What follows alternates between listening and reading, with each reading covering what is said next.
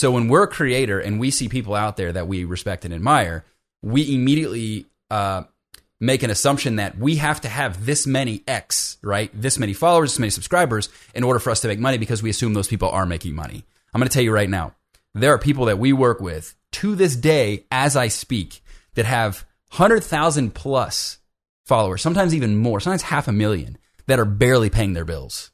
On the 68th episode of Passion in Progress, Chris Michael Harris. Chris is a serial entrepreneur, business and performance coach, keynote speaker, online expert, and host of the Entrepreneur Hour, a podcast and YouTube channel. In this episode, we're talking about producing online products, making money online with the content that you're producing, and business tips in the entrepreneurial mindset that you need to be successful.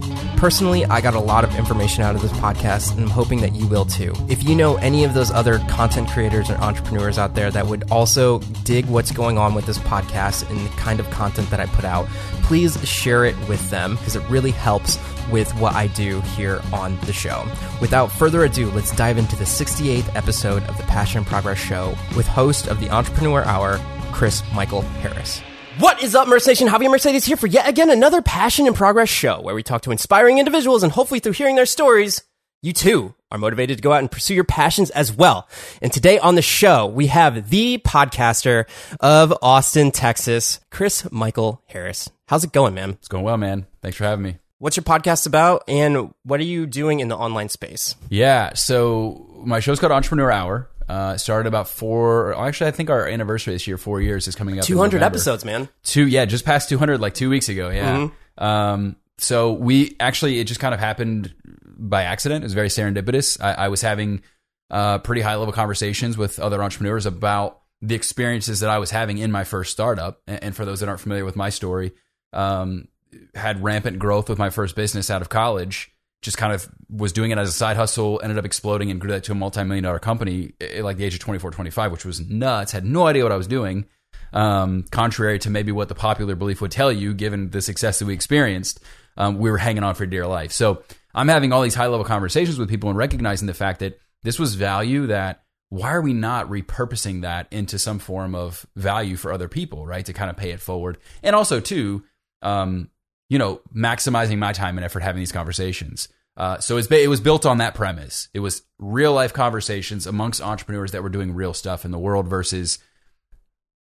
I th- I feel personally there are some podcasters out there that haven't built businesses, but they're talking about entrepreneurship because it's interesting. Not so. I, so I don't consider myself a podcaster. I consider myself an entrepreneur with a podcast because I, I like to make that distinction because I it is different, like right? It, it is a different platform. It is a different experience when you have somebody that's talking about this is what I'm experiencing versus hey, I'm going to go through a rinse and repeat set of questions because I'm intrigued by entrepreneurship, right? And I don't say that to sound condescending. I hope it doesn't come across that way, but I just feel like it was a real, it was a more authentic experience that I felt like we were trying to create. And the beautiful thing about that was within two weeks, uh, we were trending top five in the world on iTunes at the time. I know it's Apple Podcasts now exclusively, um, but under business, health, and education, we were trending top five for like the better part of eight weeks and new and noteworthy. That's awesome. What a Which- great catalyst here. Right. Well, that was huge. And so that allowed us to, you know, and this is the name of the game with podcasting. I know we're going to get into that, but it's all about leverage, right? And I think, honestly, in any business, it's about leveraging whatever you have at your disposal. And I think there's a lot of people that don't recognize you have assets, whether you realize them or not. You have resources that you can leverage. And a lot of people just don't recognize that those things exist or that they're right in front of their faces, right? Um, being new and noteworthy and having that top five status for as long as we did, where people can actually go see, hey, he's not lying. This is true, right? We were allowed, we, we then, I reached out and I had been building my LinkedIn for a long time and didn't know why at the time, right? Just connecting with people just because I'm like, this has to make sense at some point, right? Like networking and all that, like it makes sense. So I spend five minutes a day just connecting with people that I feel are going to be relevant. Uh, one of them was Ted Kingsbury. For those at the time, maybe that name doesn't set, doesn't ring a bell, but now he's the president of Shark Branding, which is Daymond John's like side of of his business, like the business side of Damon John, right? Uh, where they manage all of their various investments and the people that come on Shark Shark Tank and stuff like that. Um, I reached out to Ted, who at the time I don't remember his specific role, but he's a high riser within Shark within the Shark Group. I think it's Shark Group. They was Shark Brand. I think it's Shark Group now. Um, reached out and I was like, hey man, my show's trending right now. This is what I'm trying to do. These are conversations. And he says, hey man, let me put you in touch with Daymond. So within like five weeks, I went from, hey, this is just this idea that I have to record my conversations and put them on a podcast to holy crap, I'm trending worldwide. Holy crap, I have Daymond John coming on my show, which we then leveraged because it's at that point when you've gotten a Daymond John, you're you're leveraging his brand clout with other guests. So that eventually led to Barbara Corcoran being referred to me, led to me getting Grant Cardone, led to me getting Dave Asprey, Guy Kawasaki, Marie Forleo. I mean, dude, you name it at this point. Um, I've been blessed and fortunate enough to have them on my show outside of like your Bransons and, and Tony Robbins, which are all in the works. Oh yeah, um, I assume so. But but you know those are goals that I have as far as having, and not from a vanity perspective, but it really helps you level up your own brand perception and the positioning of your brand when you can coincide it with people that have established brands themselves. So, anyways, that's kind of in a nutshell what happened. It kind of took off from there. And then as far as what I do, um, unfortunately, and I know we're going to talk about this, but ran into a really nasty health crisis, right? So in the middle of that build, um, we had a we had just gotten a seven point two million dollar valuation. I was completely bootstrapped. I'd never raised any institutional capital whatsoever. Didn't even do a pre seed or a seed round. Um, was was kind of skipping to get to my A, which is a huge mistake, and I don't recommend people do that. Mm-hmm. For those who don't know what that is, that's like your first round of. Okay, so you have pre seed, seed, and then an A round. It it, just, it, it all just depends on how much you're raising and who you're raising it from, essentially, right? Yep. So so for high level perspective, for those who don't know what that means, um, so to skip that those steps and then jump straight to A, it is a little bit more of a challenge. Um, so anyways, I'm I'm like months away at this point. Like we had gotten some conf- we had gotten some some uh, commitment letters, people wanting to finish due diligence with us, and kind of were putting the money together. And June of 2016, um, got a really nasty diagnosis after like I was just feeling crappy for months, right? Like wondering what's going on, and then just kind of thinking it was like a mental thing, and like maybe I'm just you know not feeling passionate about what I'm doing anymore, or, or you know like just like a, a being in a rut maybe is a good way to to describe it. Um, and getting those lab results finally prompted by my wife, who's like, dude, like something's wrong with you. Like this isn't normal, right? I was having to go to the gym multiple times a day just to like have some kind of a boost of energy so that I could get through that workday, right? Mm-hmm. Um, they they took a look at it and the, the doc's like, look, I've been in practice for 35 years. For someone your age, I've not seen anyone in this bad a condition. Like you're going to be cancerous if you're not already precancerous now, you're going to be probably gone by the time you're 40 to 50 years old. Like it's over at the pace that you're running. That's now, crazy. now it wasn't just. Let me be fair and say it wasn't just from the startup. Like the startup, it's not like you know on my on my tombstone, is it wasn't going to say the startup killed him. You know what I mean? Like that's not what it was. Uh, it was a major catalyst in that process. It turned out I had an undiagnosed slash misdiagnosed ailment that had been going on for 20 plus years uh, we don't know exactly when the the genesis point of that was, but roughly around the you know like eight, nine, ten year old range, grade school. Um, they went misdiagnosed for the majority of my life. That had then been uh, really exacerbated and instigated by the stress of building a startup business. Um, so pretty shortly after that, there were some other things that happened, and we just had to turn and say, you know what, we're going to axe this business and move on. We don't have a choice because I physically. It sucks when you have that big of an you've, evaluation. You've built something. you're that close to funding. Uh, and, and, and there were some things that kind of impeded that from finalizing. We had a really tragic motor vehicle accident that with that business that was like, really exposed us to potential litigation, which um, any investor that sees it, they have that kind of exposure because you bring on an, an, investor, they're a partner in your business now, right? Like they're an equity holder, they're an equity shareholder in your company. So they're just as much exposed to it as you are when that happens. So we had to put funding on on the back burner and it was like, dude, I can't go anymore. So like that was a tough thing for me was the business didn't fail so much as I just didn't have the gas to keep going, right? Mm-hmm. So one of the things that I've then tried to do as just a recover business, right, was a the podcast because that launched pretty much around the same time of me getting sick. It's like I have to do something. I can't just sit around and do nothing, right? Um, but then also transitioning into how can I help entrepreneurs avoid these pitfalls, right? Like I kind of felt a little bit misled, maybe is the right way to put it. But entering into the entrepreneurship space, I feel like there was all of this like glitz and glamour and flowers and butterflies of like, you get out and you crush it and you make this money and everything's going to be great. And, and I didn't feel like anybody was like authentically talking about the challenges and the real like hard stuff, you know, that entrepreneurs experience. And so that was kind of my goal. So I started doing some coaching, um, which was amazing and fantastic. And then what I've done now, um, kind of keeping everything in a nutshell here, hopefully, uh, is we're we're offering digital products. That's kind of the natural progression of going from coach, learning what people need, and then scaling that to information products. Right um, now, that doesn't preclude me from being involved with other ventures, which I am. Right, I'm involved with other ventures. Um, in terms of whether it's you know lifestyle businesses or whether it's primarily venture backed tech enabled startups that I'm a part of. Um, so there's a lot of things that I do, but in terms of the online brand, that's what I do. Uh, we, ha- we have a book club. We have a lot of different digital products. I know I, I mentioned you before we recorded. We have the burnout program, which helps people build a foundation that protects them from or pulls them out of burnout altogether.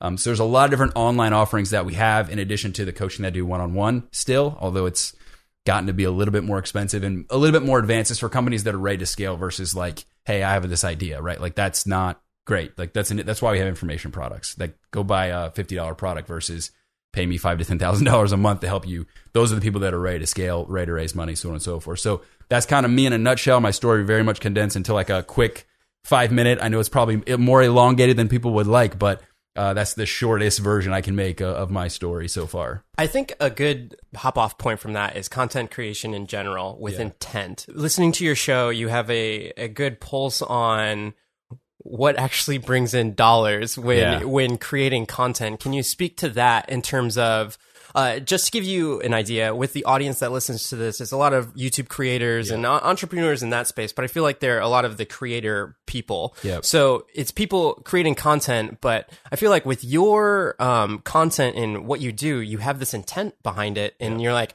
I'm going to make money from what I'm doing, you know, that kind of thing. Can you talk about that? Yeah, in terms of how people can derive meaningful forms of monetization from their efforts, or in terms of the uh, in terms of what? Let's start there. So I like to start with the end in mind, mm-hmm. right? Because I think a lot of people what they end up doing is they're they're brilliant creative minds mm-hmm. and they're creating stuff, but they don't even have a vision as to where that's going to go, right? Yeah. Now, for a length of period of time, that's okay. But what ends up happening with a lot of people, when I see this a lot on Instagram, I see it on YouTube, I see it on pretty much any platform, is people are just creating content for the sake of creating content, or they have a misnomer about what their goals are, and oftentimes it ends up being it ends up being vanity goals, right? So okay. um, I want more subscribers, I want more likes, I want more engagement. It's like okay, but why, mm-hmm. right? And and so I think here's the problem too, and and I'll tell you this firsthand. You're these people that are going to go, they're listening to this, they're going to go look and see like, hey, what's Chris up to online? And they're going to check and see I have less than ten thousand Instagram subscribers, I have just over or, or followers, I should say, I guess. Um, on Facebook, I have just over 500 fans of my, my Facebook page. I have 22,000, which we did grow Twitter, 22,000 Twitter, but it it isn't conducive. I love how you're bringing this up because it's so it, you already know the thought process of yes. somebody listening. It, it, it, it isn't conducive directly to someone that's making money, but the perception is is that that's the case. So when we so when we're a creator and we see people out there that we respect and admire, we immediately uh, make an assumption that we have to have this many X, right? This many followers, this many subscribers in order for us to make money because we assume those people are making money. I'm going to tell you right now, there are people that we work with to this day as I speak that have 100,000 plus followers, sometimes even more, sometimes half a million that are barely paying their bills. No, no BS, true story. Mm-hmm. And it's because of the reasons that I just mentioned. It's because you're measuring you're measuring the success of your platforms or of your business based off vanity metrics, not off of things that actually drive money. So the biggest misconception about content creation is the numbers that it requires for you to generate a livable income mm-hmm. or livable revenues. Right. So in terms of actually doing that, it's going to be, it's case by case, right? I, I couldn't give you generalized wisdom uh, that you can take and readily apply to what you're doing. But what I can say is this, is that you need to analyze uh, what other people are doing in the market. How are they making money? Right. Like instead of looking at what you know so on so and so is doing. Right. Let's take Marie Forleo for example, somebody whom I deeply admire and who's a friend of the podcast, been on the show. I'm actually a part of her affiliate program for B School. So puts out a year's worth of content free. Everything's free, right? Whether it's Marie TV, whether it's all of her stuff on social media, massive following. One time a year, she sells a program called B School. She sold that program before this year. She sold that program 44,000 times and it's two thousand dollars. A cost. You can do the math. You can do the math. Whoa! But that's substantial. It's like nine to ten million dollars a year, and she spent, and that's one month out of the year that she promotes that one program. Doesn't sell anything else around the year. So here's the thing, and, and let's take a couple examples um, of people whom I think could be doing more than what they are. And, and and I love these people. Let me be abundantly clear that I love these people, but I think they could be doing much more. Uh, Casey Neistat, perfect example. Casey is a brilliant creator on YouTube. Like mm-hmm. amazing. Up until five years ago, Casey Neistat was barely getting by, right? Mm-hmm. Despite the fact that he was doing as much as he was. Now, here's my thing. Analyzing that from a from a perspective of, hey, I want to be like Casey Neistat and I want to create this like lifestyle, whatever. Okay, fine. Here's the thing. What's the low hanging fruit that Casey could create for himself that would would have generated way more revenue than just so people don't know this, but on YouTube, and you know this, Mm-hmm. what is it? A thousand views for two bucks? Well, it depends on the CPM, but yeah, for just to be general, Not yeah, enough yeah. to live on. Oh yeah, oh let yeah, alone, for, for, let, yeah, yeah, let alone let alone create generational wealth for yourself. Mm-hmm. So why not in this particular case, Casey could start with the first iteration, which is, hey, hire me to teach you how to make videos like Casey Neistat. People would pay twenty thousand dollars for a consultation for that, which Mm-hmm. with how great he is, or create a program, even a membership where he teaches people for $29, $39 a month. This is what you do. There's curriculum. There's so on, and he doesn't have to build it. Somebody else could help him build it. It can, he could put on Teachable, where he just basically unloads his knowledge as far as what he does and the expertise that he provides. So, so many, so many content creators don't recognize and appreciate their own genius. Russell Brunson talks about this. He says that people don't recognize their own superpowers because to them, it's just a part of who they are. But they don't mm-hmm. realize everybody else, it's deemed as a superpower, right? Yeah. So, like, what Casey does is very much, in my mind, superhero status. It's amazing what he does. He just has a very unique eye for that. But instead of just relying on someone else's platform to generate revenue for you, why not use that as a medium to drive to your business? So, too many people try to create a business around their content versus using the content to create a business, if that makes sense. And I can Oh. get more specific with that. It just blew my mind. That's so true. Yeah. And your funnel should always be down. Your funnel should always start from borrowed real estate, which is your content platform. Even YouTube, it's borrowed real estate, mm-hmm. right? So what does owned real estate look like? Owned real estate is getting them onto your website, getting them onto your email list. And then guess what? Once you've done that, even with a with a basic lead magnet, right? Like something like, hey, my top 10 tips on how to do X, right? Or my top five tips on how to live a healthy lifestyle and still be a successful entrepreneur, right? Like that's it. Go download it here. It's 100% free. Just give me your email, right? And you build a big audience, funneling them down into your email list. Guess what? If they're on your list and you're nurturing that list, you can sell anything. At what some point, what's going to happen? This is what happened with my wife is creating that content while she's building a service based business. She was providing consultation. Well, she was managing people's social media accounts for them, and I can get into the more of the background of that because obviously I'm this is like barely just touching on it.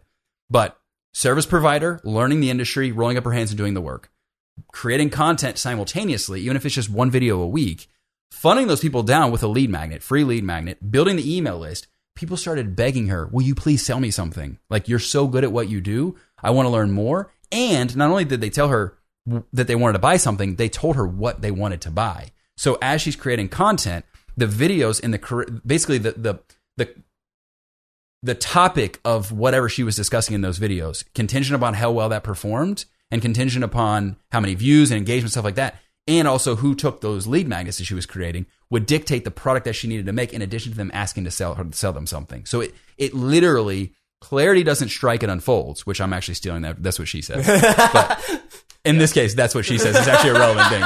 Um, but literally, she says that, and I think it's brilliant because that's exactly what happens. But so many people, they try to just jump out and just be like, hey, I'm creating content. And it's like, there's no intention, there's no direction, there's no nothing. And, and I always say this about entrepreneurship you can't skip the steps. You can accelerate them, but you can't skip the steps, right? So, in line with you building content, I would start in the industry, roll up your sleeves, do the work, find something, build your email list, and then eventually, as you keep doing this, something's going to unfold in terms of find a way to monetize that. Just be keen and aware of what those opportunities are as they present themselves. Yeah, that's what I was going to ask. So, if you're creating content, it gets to the point where people, uh, because like even in my own experience, you start to get a pulse on like what are the questions that people keep DMing me about, 100%. and and then you're like, ding, like either it's like this is small enough to just like this is a great video idea, or maybe there's something else more to be had here. Yep. Uh, in your own personal experience, is that how like the book club and all that how- other stuff came across? That's how the book club started. yeah. because I was getting DMs as I was growing my social media, as I was blogging, as I was putting out content. I kept getting DMs and messages. And and that's where you have to be attuned and you have to listen to what people are saying, right? Because you don't have to have all the answers. That is the biggest mistake entrepreneurs make is thinking that they have to know everything. A more refined entrepreneur knows that all they have to do is listen well, right? And pay attention. So people are asking me, hey man, what books do you recommend I read? Or I'd like share a little excerpt from like a book that I was reading. They're like, what book is that? I want to buy that book. And so I was like, you know what? This is something that's been very impactful for me. So while I was sick and while I was recovering, one of the mistakes that I realized that I made was I have a, I now have a process. It's a four step process. It's simple and anybody can apply it. Learn, implement, test, and repeat. If you follow that in your entrepreneurial journey, many people what they do is they're implementing, right? They don't know what they're implementing, but they're just meaning they're just running around doing stuff, right? So anything that you want to learn, acquire some specialized knowledge around that first. So go get a book about whatever it is that you're trying to execute. So let's say in this case, it's building your YouTube channel. Mm-hmm. talked about Sean Cannell and VRA, right? Yep. Like I'm going through that program as I'm building, and I'm just continuing that process of I'm learning, I'm implementing what I learn, I'm testing it to see what works for me, and then I'm repeating that entire process, right? So it's it's just a cyclical thing that I can work through. But as we were doing that, and people were asking about the book clubs, I was being attentive enough to recognize there's something here. And while I was sick, I realized that was a missing component of what I was doing previously as a more immature entrepreneur previously even even with the success that we had is I was making my life harder than it had to be and if I could read and utilize this formulaic process that I didn't know about at the time that I kind of invented as I was going along um, that basically I would it became a keystone habit in my life reading right and so I want to share it with other people and I realized that was also a big missing missing piece not just for me but for other people right and so as people were asking about that asking about books and reading and stuff like that I was like how can we take this idea of reading and make it tangible for entrepreneurs, right? Because and, and then and then that's where you get specific, right? Like that's the overarching idea. And then it's your job to figure out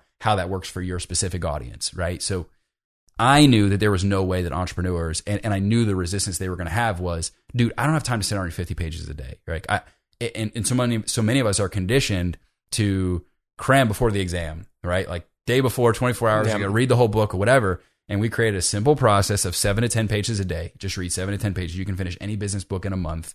And that, that was like, boom, it was game changer, right? So it, it did take me understand. It wasn't like, and there's a reason I say that. I, I don't want to cough it up to people like, hey, look, all of your offers are just going to come to you, you know, like it's, the, it's tapping into, you know, the, the, the power of the secret or, you know, the, like, you know, the universe will, will, you know, like bring it to Tapping you. into the power of the secret is a great name of a book. If that's right right so so you know the law of attraction like it I, I don't i'm not saying that i don't i, I disagree with that i think mm-hmm. that the general idea is going to come to you and then it's your job to to kind of work out the specifics of how that's going to look and how you're going to present that to your audience so in, in a very long-winded way of answering your question that's how the book club kind of came to fruition um, and then and then impor- important point to note here uh, with any offer by the way not just with this offer but i've been doing this for eight months now we filled the first 100 seats within like three weeks of our launch, right? We did some collaborations. We were able to you leverage our email list and build, you know, a couple hundred, uh, not a couple hundred, but a couple hundred people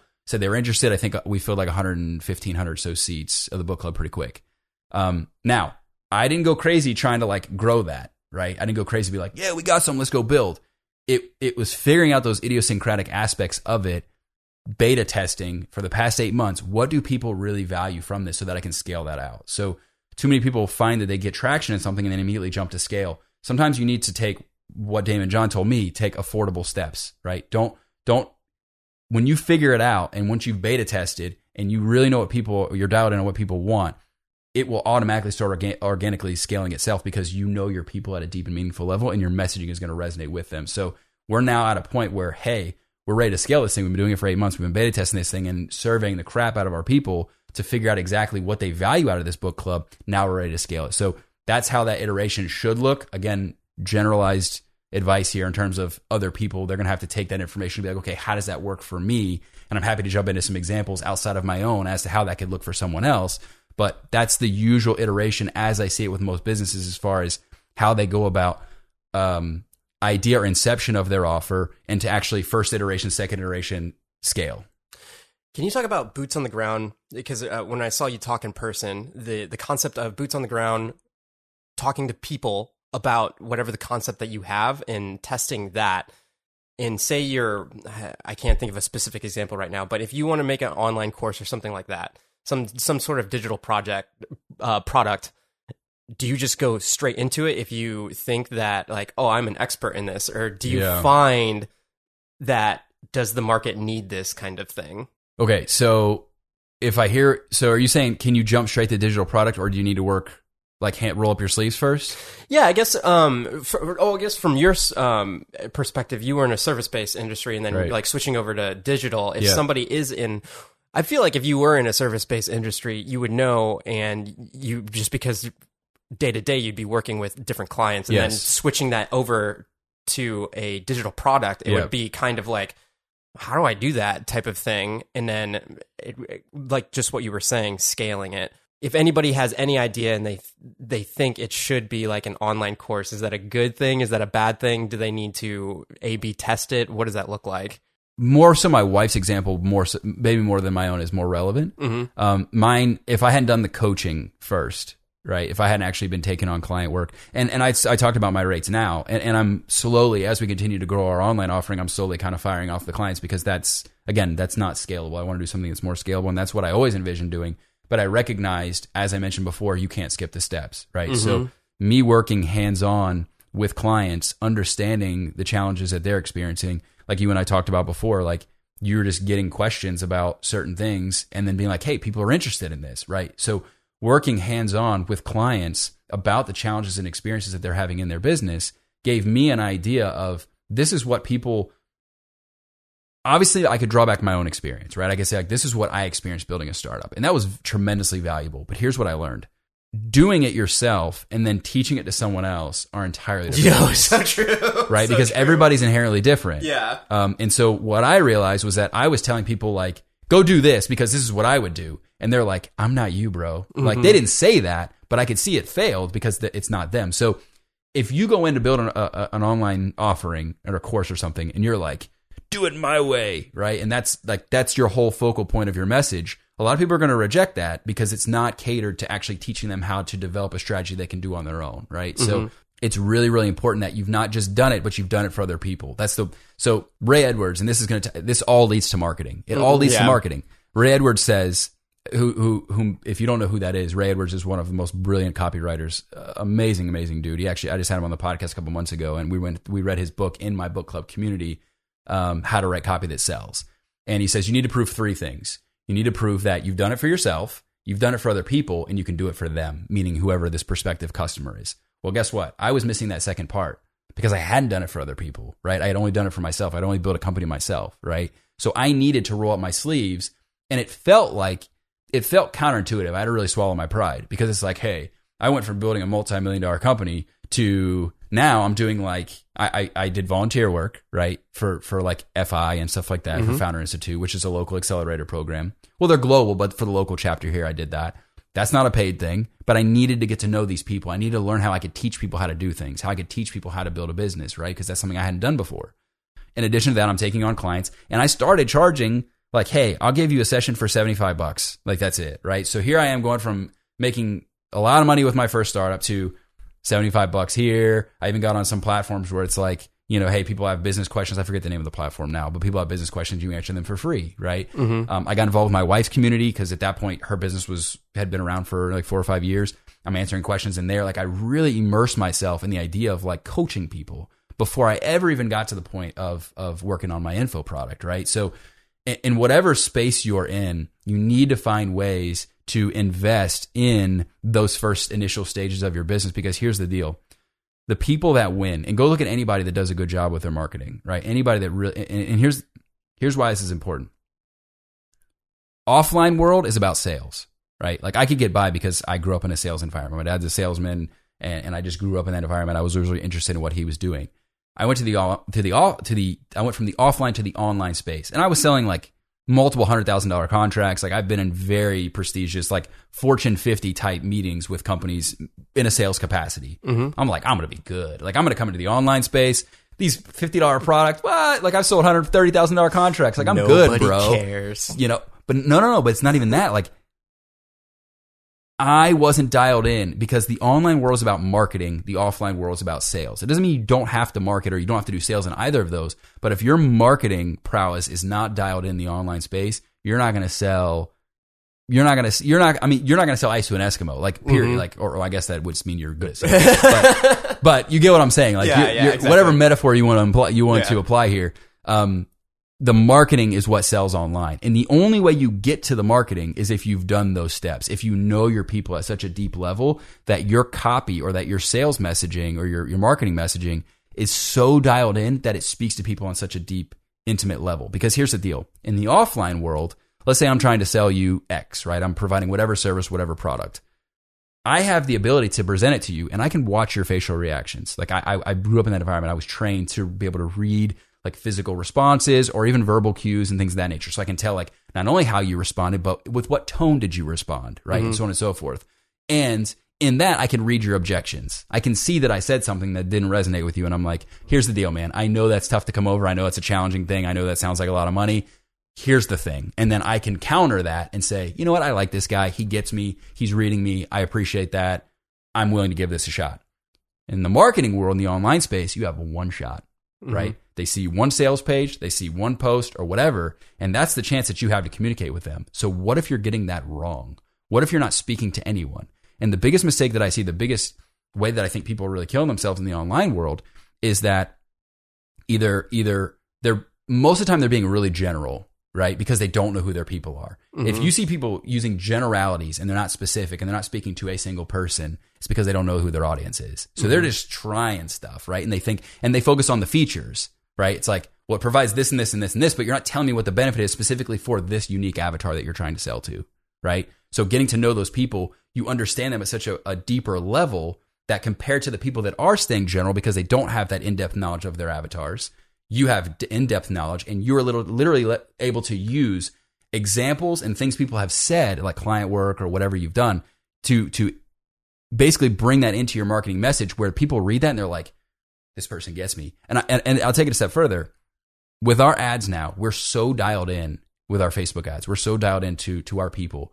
We'll have people respond in the comments for the ad and they'll say they'll tag people and be like i told you facebook's listening to my conversation like because we're that dialed in on who they are that they swear that somebody's listening to their thoughts. That's how good you need to be in the online space. But you don't get there by just saying like yeah bro i want to sell info products. You know like you that's that is a that is a a a crawl walk run process right? And so you you that's why i say you can't skip the steps. You have to work to that point. You have to invest in that. And and, and you can do that not just with your own business as a service provider but many people i see um, they actually start with a job right? In the industry that they want to work in. I just interviewed a guy yesterday and same same ordeal. Worked for one of the hundred one of the like the dinosaur companies that's been around forever right? One of the a well-known company and worked for them for 12 years. When he when he transitioned in his business he went from that to multi-millions like that. Why? Because it was basically a paid internship. His mm-hmm. job was right? So i think many people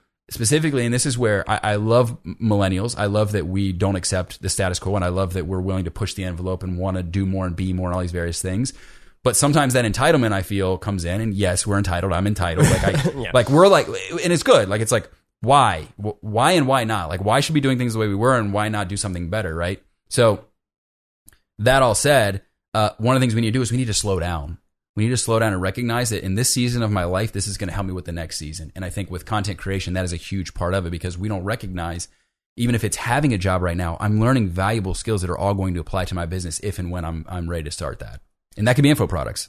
info products in today's day and age one of the concepts that i love that you talk about is just being ahead like one step ahead of where some people Ah. are in terms of um, being able to coach them or what people might see as relatable in terms of can they teach me something so i love where you're at right now with your youtube channel because there's a lot of people um, listening that are in that same area where you are very successful in other mediums. And then I think with the knowledge that you've garnered over building what you've done so far on other platforms, what's your strategy for what you're doing right now for YouTube? Well, so there is one.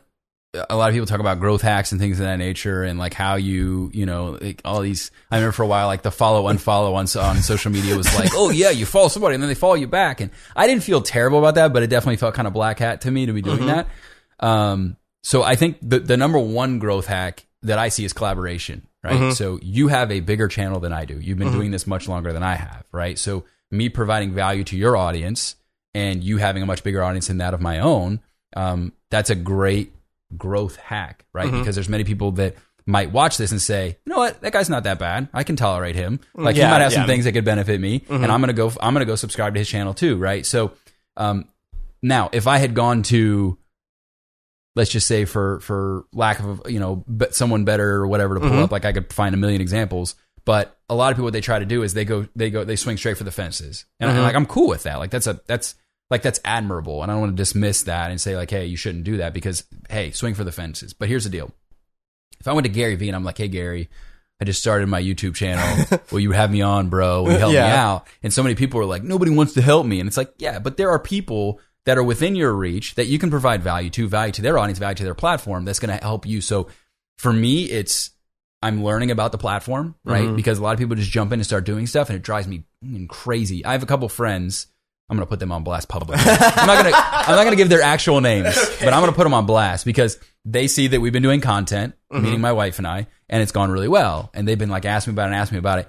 And they started to try to jump into YouTube as well, like right around the same time I did. Like they saw that I did it, so they were like kind of following and like, hey, I want to do it too. And I was making, I was kind of picking at them and teasing them because they didn't do their thumbnails right, so they both look like monkeys in their mm-hmm. in, in their pictures. They're like.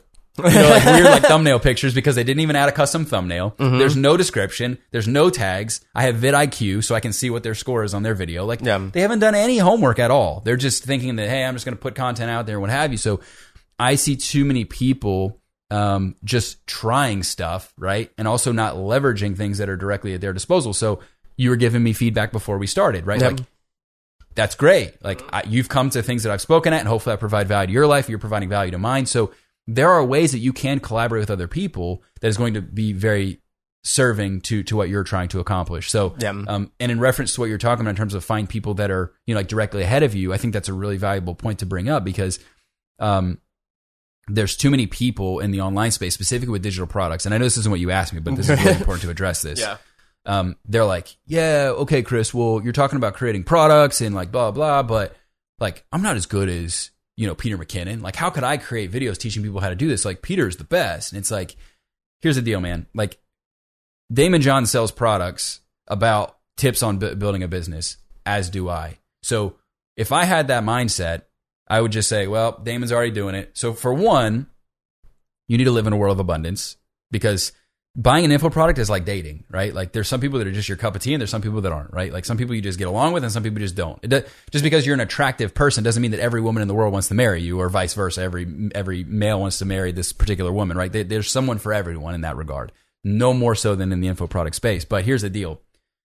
You need to be the people that you serve, just focus on the people that are one step below where you are, right? Like Daymond is so high up in terms of what he's done, right? That it's sometimes unrelatable. Yeah. And, and I can validate that that statement because people immediately think that some of these big guests that I've had on my podcast that they are the most downloaded episodes by far. And I'm telling you exactly right now, going with this, I'm telling you right now, the people that come on that are in a situation where they're just starting their business and they're going through real challenges, real authentic challenges as far as what they're doing, even like coming up with a business idea or how to make money or whatever, those get downloaded head and shoulders above even the biggest names out there because it's more relatable, right? So you right now have an advantage. Just focus on that avatar that's just below where you are. If you're just starting out, create a product around, hey, how to how, what your first 10 days of your YouTube channel. Mm-hmm. Done, right? Like what did you just go through that you can teach someone else because you just went through that? You're more relatable because you just did it, right? So there's many examples that we could go through of people where they just immediately dismiss that they have something to offer just because they're new at doing something, right? But uh, Nathan Latka, uh, perfect example. He actually lives here. He created a podcast and he actually does pretty well with it. I don't remember the name at this point. Um, but oh, the top, the top. That's Okay. what it's called. I don't love Nathan as a person, as a human being. I think he could be a little bit arrogant, but I said this. I said this on my own show. It's not, like I think he would agree with me, honestly. Um, but You're starting beef with other podcasters on my show. oh, I throw shade. I throw shade all the time. Man. I throw shade at Tai Lopez. I, I, I gotta like listen to your podcast, and I was like, man, I was just over to Javier's podcast. What a schmuck! no, no, no, no. I, I- I'm I'm I'm fair when it's warranted. Um, but but anyway, so he put out a blog right after he started his podcast where he he taught you basically um, how to get new and noteworthy, and I followed it to a T, and I got new and noteworthy. Right, so like that was value that he created as he was going through his journey, and so many content creators they just don't think about that. Like, hey, what I just did right now is going to be valuable to somebody. Even if it's just an email, even if it's just a lead magnet, even if it's just getting building your email list with that, like, hey, download my top ten tips to get new and noteworthy on on Apple Podcasts, right? Like something like that. So you don't have to be everything to everyone. Just focus on who is right below where you are that's trying to take those next steps, and that's going to give you either a product that you can sell or something to build your email list with. So that was a really important thing you brought up that I want to make sure we touched on. Yeah, I love your dissection of X's and O's of implementation and things of that nature on your show and your authenticity.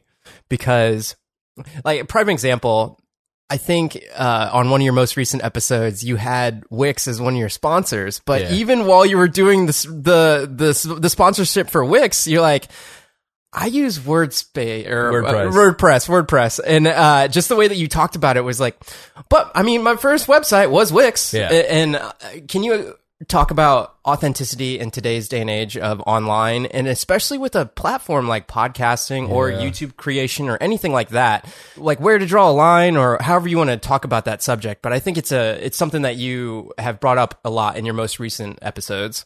Man, so I, I I will say this: I sometimes get myself in trouble for this. Did you get in trouble for the Wix thing? No, no, no, no. okay, Because I okay. told. So here's the thing. I'm, I'm just. I've learned in business to just be brutally honest, right? Um, and, and the reason being is that so often we enter into arrangements and agreements that we don't believe in because we're just so apt to say yes. So I read the book Essentialism, um, which I highly recommend. One of my favorite, favorite books of all time, business or otherwise. And it really helps you learn the power of saying no because no means yes to the things that you do believe in or the things that you do need to apply yourself to. Like it's a brilliant, like every single every single entrepreneur needs to read it because we're all just doing stuff, but we're not doing stuff that actually moves the needle because we're just out of obligation or a sense of of feeling like we have to say yes. We say yes to way more than we should, mm-hmm. right? So Wix approached us about being a sponsor for the show, and I don't I don't agree with building a Wix website. And I told them that. I've told that to Belay, who's another one of my sponsors, because I'm like, look, I use onlinejobs.ph, which we've used them for years. Our, my, our entire team in the Philippines is from onlinejobs.ph. I'm like, I don't believe that as a startup entrepreneur, you should go pay two to three thousand dollars a month for an outsourced party when you can go get somebody online jobs ph for two dollars and fifty cents an hour. That's not responsible for me to offer that advice, right?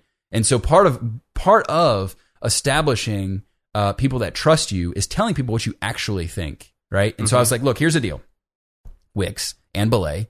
I said, I'm willing to use you guys, but I'm going to tell people when they should use you guys because here's the thing: you get to a point of scale. Online jobs PH doesn't work anymore because you need higher quality. You get what you pay for. You need higher quality. You need higher quality work. Not to say that our people aren't fantastic because we got really lucky. They're amazing, but there are also 13 hour time difference between us and them. So during the day, there's things that we need to do that we sometimes have to stay up late to have a meeting with them. So there are things where you would need an outsourced party that is domestic and does have spec- specialized knowledge. For example, Belay's really uh, good at outsourced bookkeeping. I'm not going to trust somebody that I just hired that I never met in person to see my books for two dollars and fifty cents an hour. Like that's not something. That's not a proposition that I'm going to entertain. So I told Belay, here's the deal: I will sponsor you uh, on my show or allow you guys to be a sponsor, but I'm going to tell them for this specific thing, and I'm going to use both of those sponsors. I told the same thing to Wix. I'm like, look, there are people like my father who who is a small business owner and there's no way he's going to learn WordPress and I know that nor should he right? Like that's that's something that's just not something that's going to happen. So I'm going to use you guys I'm going to allow you guys to be a sponsor but I'm going to tell people I recommend WordPress and that I use WordPress love it. and, but, but the thing is the fact so it's not mean right it's it's it's being transparent and them recognizing as well like you know what I respect the fact that you told us straight up, and that makes them trust you even more because you were completely transparent with them to begin with. So it does get me in trouble. It does come across sometimes as arrogance. People, I've been accused of that, um, and I, and I'm not dismissing that as a notion. I, I I can be border. I tried to sprinkle in some humility and share my own struggles and my own weaknesses and stuff like that. But sometimes when I make these statements, it does come across as arrogance in that, oh, well, I'm just telling people how it is and stuff like that or whatever. But in terms of your people trusting you, if you want people to trust you, you have to shoot them straight. Because here's the deal. Let's say I get on and talk about how great Wix is, and then people go to my website and see I'm using a WordPress website. What does that say? It says I'm full of sh. yeah, yeah, You exactly. know, yeah. it says I'm full of crap, and I'm just trying to sell you stuff, but I'm not being real. So mm-hmm. when I tell you something, you can take it to the bank because I'm going to tell you what I believe, and I could be right, wrong, or indifferent. It doesn't matter. If I'm wrong and you can go find something and you feel is right, great. Pursue your heart, right? Go after that. If you think that's the best thing for you to do is build a Wix website, do it, right? Like that's fine. But I'm not going to be disingenuous with someone or sugarcoat something that I don't believe for the sake of promoting a sponsor, right? Or making a few bucks. Because in the long run, I want people to listen to what I say and be like, you know what? he might be wrong, he might be misinformed, but it's what he truly believes in, right? So that was always his thing. And I had somebody actually stand up for me because this arrogance thing came up recently. That's why I'm bringing it up. yeah. Um, and I can get into that story if you want me to, but it's kind of irrelevant to what we're talking about. But we told we told our community like this is what was said. It was a long term member of ours, a customer of ours for two years, made the comment of like Chris comes across as arrogant, right? And so obviously I'm going to listen to that. It's a long term member. They paid us a lot of money, right? And we told we we told our community like here's the deal. Um, this is what was said. No, like this is a this is the not the norm. This is a, a very very this is a rarity that this has been said. But um, this is what happened, and just so you guys know, this is why I act the way I act and do the things I do, whatever. Just to kind of like bring it up to make people know like we're aware of it, and we're, you know we're, we're we, we care, right? We don't we don't. It's not like I don't care that people think that, um, especially paying customers. And people are like, conviction and arrogance are two different things. And I was like, you said that better than I could have said it myself. So I am very convicted to the things that I believe in and the things that I've done that have worked because I want people to get results, right? So I'm not going to I'm not going to sell you a Wix site if I know that Wix is basically a pretty chassis, but the engine is not what WordPress is. If you want to build traffic to your website, you need a WordPress website. There's there's no way around that, and there's no excuse because Divi and some of these theme builders now are just as good as the plug and plays that you get with Squarespace or Wix. So yes, in that particular instance, I'm being abundantly authentic. And here's what's going to happen: if you do that, you're going to turn some people off. There's going to be people that call you arrogant. There's going to be people that say whatever. But here's the thing: the people that love you will love you even harder, right? And those are going to be the, the that you're going to find that if you put those on a scale, right, the people that end up loving you because of your authenticity and because of you just saying the things you think, not Trump tweet status saying what you think, but like, you know, Yeah. but like just being real with people and saying and speaking your truth. You're gonna have a few people that you ruffle their feathers, but the people that do love you, they're gonna become super fans because they're like, dude, I love this guy and I love that he just says it like it is because I'm tired of this sugar coated nonsense I hear everywhere else. Can you just touch on with that to accentuate it when you don't know something about a particular subject? If somebody's Say coming, it. yeah, yeah, Say it. Be like, I don't know. I've never, I, I have not experienced that. This is what I've heard. And on the sponsorship line, um, I've said that. I use, so uh, Shopify came to me, same thing. And they're like, we'd love to, you know, to be a sponsor of your show. And I'm like, great, because you guys, from what I've heard, are the best e-commerce site builder. And I don't think you should build custom code a website for for an e-commerce business because you're going to spend thousands of dollars. And WordPress is going to take you way too long for all the various functionality you need for an e-commerce business. So I'm like, look, guys, this is a sponsor. I know friends and I have people that are in the e-commerce space that swear by Shopify, but I've not built a Shopify site before. So just own it, man. Just own where you are, own what you know, and own what you don't. Man, I hope the listeners get so much value out of that. It's it's, it's breath of fresh air. Um, one of the other things that this is sorry, but I have to like jump from topic to topic because there's like so it. many things that I wanted to like talk to you about. So just as a, a side turn, um, there's this concept that I've been talking to, and it's just come up with like the last couple episodes of guests, and uh, your mindset as an entrepreneur actually living like a healthy lifestyle or being healthy or whatever that means to you how does that affect your decisions as a business person To everything. do you want to give an example or uh, do you want to talk about it a little bit So I that was that I mean, as I mentioned earlier when I was talking about my story, my business didn't die. I ran out of gas, right? Like that would easily be at this point with the pace we were on with the funding that we were we were going to receive.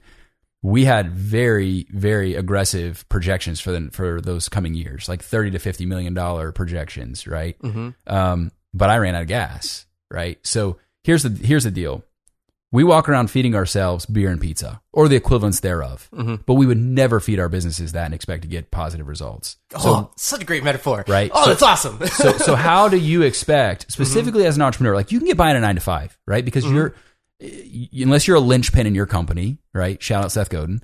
Um, you are cog in the wheel. You could take off, you could take a sabbatical and be gone for a month, and things are going to relatively keep churning the way that they should, right? But if you're an entrepreneur and so much rests on your shoulders, you are the most valuable asset to the company. You may not see it that way, and you may not be compensated that way, but you are the most valuable asset to the company for a long time.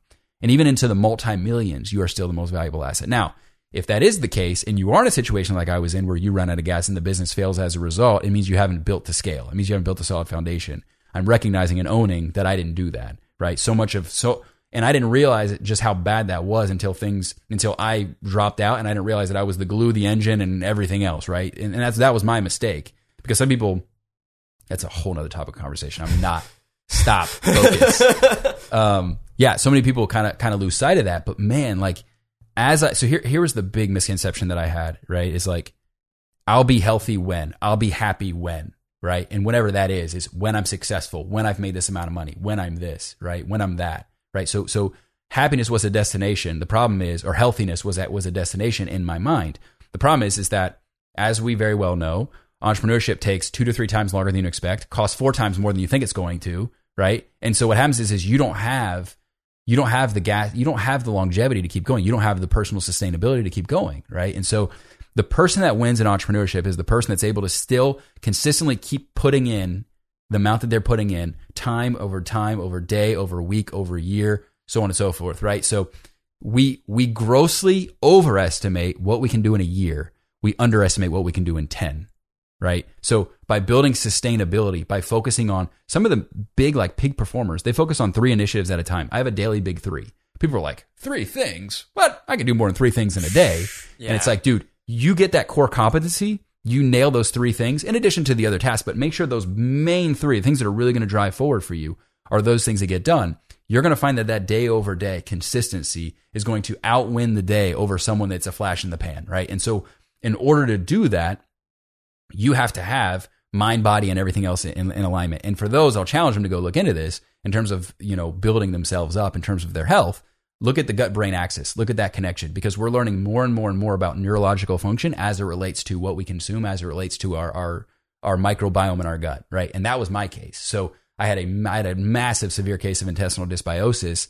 And here's the thing: for years, as I mentioned, I, I was misdiagnosed they thought it was ADD, which I'm definitely ADD. Like I, you can tell having a conversation with me, like I'm all over the place. Like I'm not denying that, right? But what's interesting is as I've cleaned my gut up and as I've got, as I've had a cleaner diet, as I've been taking probiotics and prebiotics and all these various things, all of a sudden I'm running a book club. I, dude, I couldn't read a page growing up in school. Like I, I honestly, like I would read and I'd be like, wait, what? What did I just read? You know, like, like I, I had to find ways to kind of like hack that. And now like I've just enjoyed so much my ability to like retain information and learn. So, cognitive awareness, cognitive function, stress resiliency, all these various things, man, it, it, it all ties into into one another. And, and, what I've learned is if you want to do more in the world, you have to first be more. And the only way you can be more is if you have healthy mind, body, and spirit. Period. If you don't have that, you're you're you're running around with a crutch, right? That's it. You're running around with a crutch. And eventually the business is going to be sprinting and you're not able to sprint. You need to be able to level up yourself with your business. And that's common sense. That doesn't take a rocket scientist to figure out, like, okay, that makes sense. That's pretty logical assessment there, right? So in my case, the business was sprinting full steam ahead, and I was done, man. I was tapping out. I was crawling. So, you know, a lot of people don't feel that pain yet. And this is my kind of like mantra right now is don't wait until you're where I was. Don't wait until you get lab results telling you, bro, you're going to die at 40 if you keep on this pace, right? Like, take care of yourself now. Invest in that now. Because if you have big and lofty ambitions and goals, you need to start leveling yourself up. Because here's the thing the beneficiary of my efforts is not me, it's my business. And I got that backwards for so long, thinking that, hey, business grows, I'll be happy. Business grows, I'll be healthy. Business grows, I'll be this. Now it's, I'm healthy and thriving, my business exponentially grows. I'm investing in that, my business exponentially grows. So I'm putting one foot out ahead, and the business is the beneficiary, not the other way around. And that was a huge misconception that I had, and almost all entrepreneurs have right now, except for the elite few. That, that's me making a notion that my mind was blown. So recently, I've been doing. Do you know Andy Frisella? Um, Yeah. Uh, MFCEO podcast. I, I've been doing seventy five hard, and I'm um, about eight weeks in. Do you know the challenge at all? I don't. Drink a gallon of water. Uh, work out twice a day. One of the workouts has to be outside. Um, follow a strict diet. No alcohol. It's Yeah. like a lot of healthy things. Read ten pages of a book of a self dev or business book. I love it. And um, uh, take a progress picture picture every day. But the reason I bring it up is because, and I, it, probably the reason why it's been coming up in a lot of the podcasts is because I'm recognizing such a shift in how I show up every single day in Yeah. terms of. I mean, I wasn't like bad in like a lot of my health, but I mean, I mean, I wasn't going out of my way to like go take a walk or spend time outside. I mean, being a video editor, you're behind a computer, like putting together some big pieces uh, for long periods of time. And just to iterate on what you're talking about, I'd sit down at the computer and I'd be like banging out more material or being able to think about things in a certain way Yep. in a more efficient way than if I wasn't living a healthier lifestyle and I would just like it- just what you said if you show up in a healthier way everything else starts to compound behind Yep. it Yep. which I think is awesome Yeah, and, and the the big misconception that we have about people that that are more successful than we than we are, the people we admire, right, Mhm. is that they're just working twenty four hours a day and killing themselves. And dude, I promise you, most startup entrepreneurs may be working more hours than some of the people that are highly highly successful that we admire, right? And that's not to say these people have gotten to the point where they're lazy or they can afford to do that. It's they're very calculated in their efforts, but they also and Dave Asprey talks about this amazing, but a lot of people have this difficulty with detaching and disengaging and and taking care of their health because they're like, "What's wasted time?" So he calls it his he calls it his I think he calls it his uploading time. So mm-hmm. so to kind of like place that mental shift in his brain of like, I'm not taking time off. I am uh, upgrading my software and doing this right. you're coming out with all the metaphor bombs man Right. So so here's the deal, man. So um, I've had a lot of conversations, and the majority of of them, in in terms of highly, highly, highly successful, high performing entrepreneurs, the biggest thing is they know their numbers, and I don't mean financial numbers, right? Like they are constantly. So I get my labs done once a quarter. I'm getting my labs done this month, right? I have I, I have a functional medicine doctor that I work with because here's the deal. I don't have a problem with MDs. Like people, I attack Western medicine as in addition to some of the other things that I throw shade at. But honestly, Western medicine has its place. But here's the deal: you drive your car, metaphor. You drive your car around, and you wait until the, the maintenance light comes on to go to the shop. Right? You don't get oil changes. You don't do any of the other things. You're gonna have a pretty expensive bill when you go to the shop when that when that check engine light comes on. Right? But what do they tell you to do? Get your oil changed. Check your fluids. Check, you know, rotate your tires. Get an Replace alignment. battery. All these various things. Know what's going on with your vehicle because that's going to allow for the long term sustainability of your vehicle, right? So I wear this thing. This tells me where my energy levels are, where my stress level is. I wear another one at night for sleeping. I mean, dude, I am fastened up to some kind of biometric device throughout my day, regardless, 24 hours a day. So this was huge, but literally, my business coach told me this week, he's like, man, I've never met a single one, not one single high performing, successful entrepreneur that doesn't know their health numbers. Like, not a single one. So wow that's the difference, man. We're playing it small by not knowing those things. Think of you talk about growth hacks and all these other things that I think are BS. Um, other than the collaboration one, which is a great one. Most of them are crap. But man, the biggest hack that you can get is what if this instead of your two to five, you're sitting there because your blood sugar's spiking and you're like, oh god, I shouldn't have that pizza carbo load, blah, and you don't feel like working. Versus, dude, I'm just I'm just now hitting my stride. Like I'm still fired up and amped and whatever. Like people call me Mister Intensity. That doesn't just happen because I have that personality or that disposition. I think people think that I'm that like people are just innately that way. Dude, that's that's been years of me not putting crap in my body and years of me nurturing my health to be able to be like, you know what? Between two and five, I'm rocking and rolling, right? Like I'm ready, I'm ready to get after it because I, I built myself up to that point, right? So a lot of people they're losing a lot of that efficiency time, right? Because they're not at a point where they're healthy, functioning, and thriving like they could be. And that's massive opportunity cost. Yeah, just to add again to what you're saying, um, and it's it's weird. I love coffee, love it. Have an espresso machine downstairs and everything. But after I started this challenge, I got like a week in, and I didn't even I Yeah. didn't even notice that I wasn't even drinking coffee. Like it didn't even cross At my all, or mind. just throughout the no, day? no, at all, at all. And then I I went to um I I love making espresso for my wife, and then she asked me for one, and I was like, what? I haven't even made coffee in like forever. And I normally, and I can tell like 36 hours after having coffee or not having coffee, like headache, all that kind of stuff, um, caffeine withdrawal. And Sure. none of that happened. And I like, I don't know, I don't, I haven't read enough about it, but I don't know what the whole like, if you're leading the active life, drinking a bunch of water, like all that stuff. But whatever it is that I'm doing now, I'm not like, I knew if I had coffee, like I could still get like super focused and everything. But I'm at like a level where I just am com- not com- I want to say complacent in a good way. Like my Yeah. energy levels are like okay, Yeah. where I can just coast the whole day and just do what I need to do, Yeah. and that's it. I guess yeah, if that makes sense. Yeah. Well, so so a lot of people demonize the caffeine aspect, and I'm not accusing you of doing this, but mm-hmm. a lot of people do. One cup in the morning is actually really good for you. Mhm. Like it's the people that drink it and they're drinking it at five, six o'clock at night because it, it's going to take you six to eight hours for the caffeine to leave your system. So you're not going to naturally enter into this to the cycle of your serotonin converting to melatonin before you go to sleep. So you're going to have issues and it's going to keep you awake. And if you're affecting your sleep, that's obviously huge. Circadian rhythm, if you're jacking that up, that's huge problems, right? But first thing in the morning, having a cup of coffee. I drink matcha tea every single morning, which is amazing because it has L-theanine, which is an amino acid, and actually provides a calming effect on your parasympathetic nervous system, right? Mm-hmm. So you're getting the energy rush that you get from the caffeine, which is good. It helps with a lot of different things in terms of blood circulation and so on and so forth, and neurological function and yeah. cognitive function. But you're also not getting that like jitteriness and like the ups and downs and crash and stuff. So if you're going to drink caffeine, if you're going to drink coffee, one of the big things you need to look at is it needs to be a high quality bean, right? So there's a lot of rancid acids and stuff like that that come with these like less good, like a lot of chemicals involved with a lot of the coffee beans that we traditionally get that has a, a, big impact on the actual quality of the bean itself, right? So there's nothing wrong with a glass of a cup of coffee in the morning. It's just when a cup turns into five or six or seven cups a day that it gets a little bit excessive and then starts affecting your circadian rhythms where it gets bad. Yeah, I, I think from my perspective, I'm just at this point, I'm like avoiding coffee ju- just for a disciplinary act of sure. like, you know what?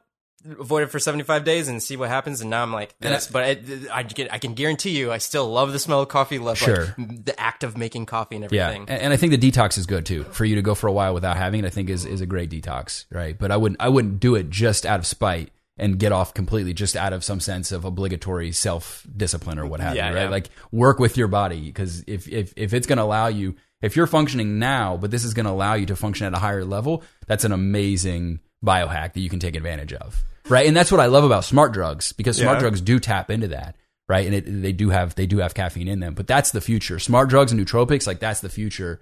Like getting healthy and getting your body to a, a, having a solid foundation, and then throwing the smart drugs on top of that, dude. Every single entrepreneur in 12 years is going to be doing that. Like the, it, the fact that we're not already doing that, and the fact that they've been around as long as they are, is preposterous to me, mm-hmm. right? And I can't do it right now because my because my endocrine system is too compromised, even with the recovery that I've experienced. But you better believe in six months you talk to me, dude, I'm going to be stacked on stacked with nootropics and smart drugs for sure. man, I love you as a guest, man. This is awesome. Um, I, I want to, don't want to take up too much more of your time. Um, there's two questions that I ask at the end of each podcast. Um, first one is, why do you do what you do? Yeah. So that's a great question. Um, so this is going to sound like super cliche, but it's the honest to God truth um, when I was younger, I remember I told my mom, like, I've just had this like burning desire, even since I knew like what that entailed, of I wanted to make a positive impact in the world. Like, I had this like real fear of being irrelevant, right? Of like just, and there's nothing wrong with like living and, and dying and saying you lived and enjoying and loving your family and so on and so forth. Like, there's like, that's beautiful. That is an amazing, amazing thing. And I think that even the fact that you existed on this planet and were given life uh, is something that like we we we honestly take for granted, right? I think that goes without saying. Um, but there are others though that are that are fueled by things that are inexplicable. It's just how we're hardwired, just in, inherently or innately. Mm-hmm. Um, and, and, part of that for me was I want to make an impact and, and I want to make a difference in, in, whatever way that I possibly can. And I didn't obviously at five years old know or how old I was know what that would yeah, look like. Yeah, Um, but the big thing for me is is like you know, if I can create a business that employs my first business employed, it were part timers, but over the course of three to four years, pushing five, we have we had we had hired over like I think 750 people, almost a thousand people, like that gave college students a way to earn money over the summer before they went back into school, and many of them use that experience to go on and get amazing jobs and using us as a reference. Like so, we made a tremendous impact, and not only that, but we instilled hopefully some values that we've built into our company culture that they go on and become better human beings. Look at a Chick fil A, right? Like you become part, uh, an extension of the culture of Chick fil A in your personal life, right? That's part of what they've created. And it's mm-hmm. amazing. Mm-hmm. And so what you see is it has an impact on families, the way kids are raised, the way they operate in their communities, the way that they volunteer, the way that they show up at their place of worship, whatever, right? Like it has a ripple effect. And so I hope that we've created that. And I was like, for me, it's always how can I make an impact at a bigger and bigger, bigger level? And so for me, creating content is like a drug, right? Like I show up and I'm like, for opportunities like this, and you've got, you know, over 5,000 or 8,000 people, whatever, mm-hmm. subscribe to your channel at the time they're recording this. And I'm sure down the road it's going to be far more than that when people are watching this. But at this very time, yeah, yeah. you know, thousands and thousands of people that are going to hear this message. And even if five of them walk away and they're like, man, that was amazing. And I really was impacted by this. Like, that's why I do what I do is like creating that impact, whether it's any business that I'm in, uh, any message that I deliver, any client that I work with, whatever the case may be, it's creating an impact at whatever large scale that I can. Boom.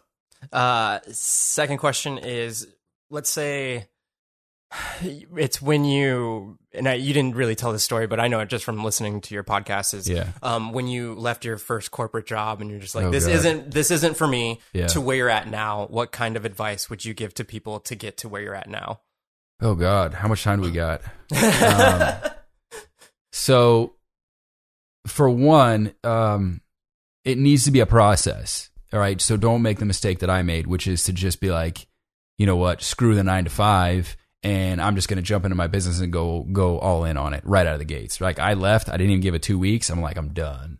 Right. And within six months, I was doing laundry in my bathtub, and I was flat broke, and I had collections blowing me up, and I lost 50 pounds, which I don't like. I don't think that I'm the type of person that could lose 50 pounds and afford to lose 50 pounds. Like I looked very, people were very worried about me at that time. Um, I was eating canned beans and corn and stuff like that because I couldn't afford anything else to eat. So my nourishment was terrible. My stress levels were through the roof because I was in pursuit of this dream, right? So I say this all the time. And, and for those that know me, you hear me say this all the time, but the dream dies when the bank dries, right? Like your dream, whatever that is, will quickly die when you run out of money and you have no way to, to fund yourself, right? And your, your business or the idea for your business is like an infant. It can't even support itself, let alone support you, right? And so it's the same process of nurturing, sending it to its first day of school, right? Like taking those steps, entering into teenage years, teaching it how to drive, being responsible. Like you have to treat your business that way to the point that it gets to a point where that it can then provide for you as well as, you know, take care of itself, right? So you need to have that perspective of your company because too many people just jump in and be like, so and this is a positive thing of entrepreneurs. We're very optimistic, right? So we're like, the best case scenario is going to happen because I'm going to will it into existence. And I love that mindset and I love that mentality. And I think you shouldn't lose that. But you also need a plan, right? So prepare for the best and plan for the worst, right? And hopefully you end up somewhere in the middle, right? So what I would do is, uh, and I and I talk about this all the time, but be a night or a weekend warrior, right? Or a side hustler, right? So find a way to sustain yourself, live your life by margins, right? Make sure you've got enough money. I would say at least six months before you leave your job. And this is assuming, right, you're not in college and you're just going to jump straight into your thing, which I don't recommend either.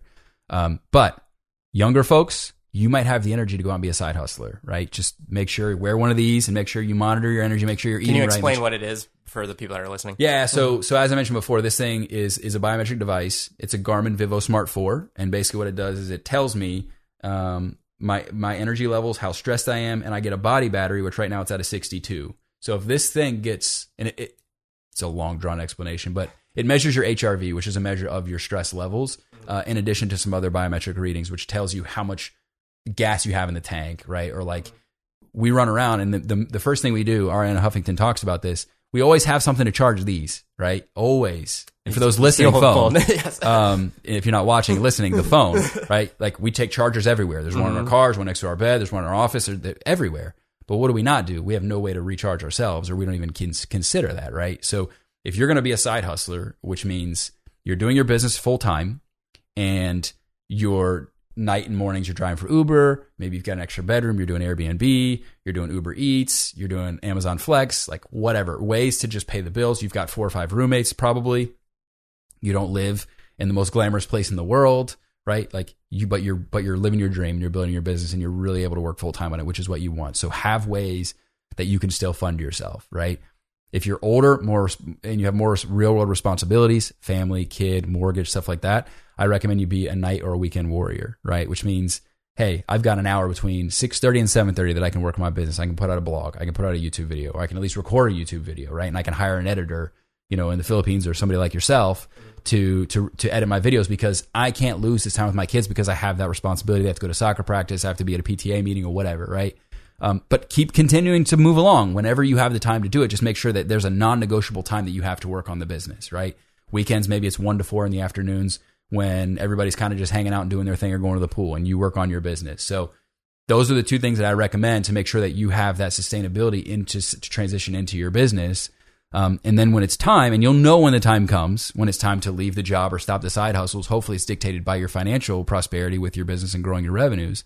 You can, you'll know, hey, I need to be all in, right? Because that's the hard part is managing that transition, being 100% committed to your startup because that's what it requires, but then also still having this other thing on the side too. So you can operate for a short period of time doing both, right? But at some point, you do have to make that full transition, and maybe you work with your spouse or you have something in place where it allows you to make that full leap where you're where you are full time in your business. But that's the biggest mistake that I see people making. A mistake that I made on my uh, on my own was um, quitting, just axing everything, burning all the ships, which is great. Like it's a great to have that mindset and and figuring out how to work, but you want urgency, not desperation, right? So be urgent about building it, but don't get to the point where you're going to be living in your car under a bridge because you left your job and you have no means to support yourself. Because I see that way too often. Well, hey CMH, thank you so much. Sweet, man, Speaking of that, would you uh, would you say where people can find you?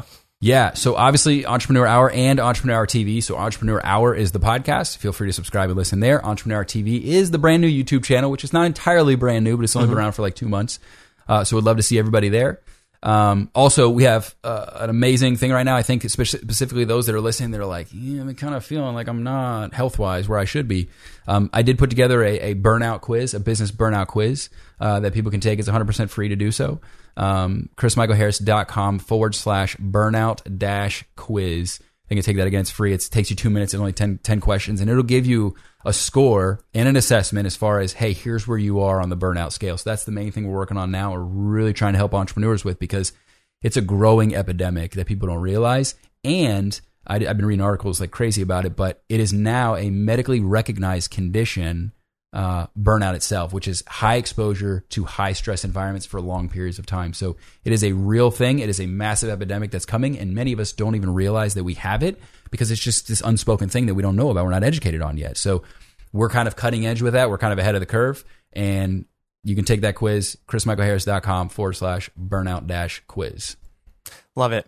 And I would highly suggest if you are watching this on YouTube, if you like, if any of this information or value has lit in a fire underneath you, please go check it out because he just does this all the time.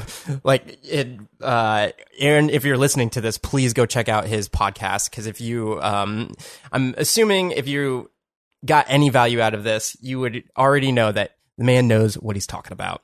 Until next episode, please share this guy out and live a life of abundance. I'll see you guys next time.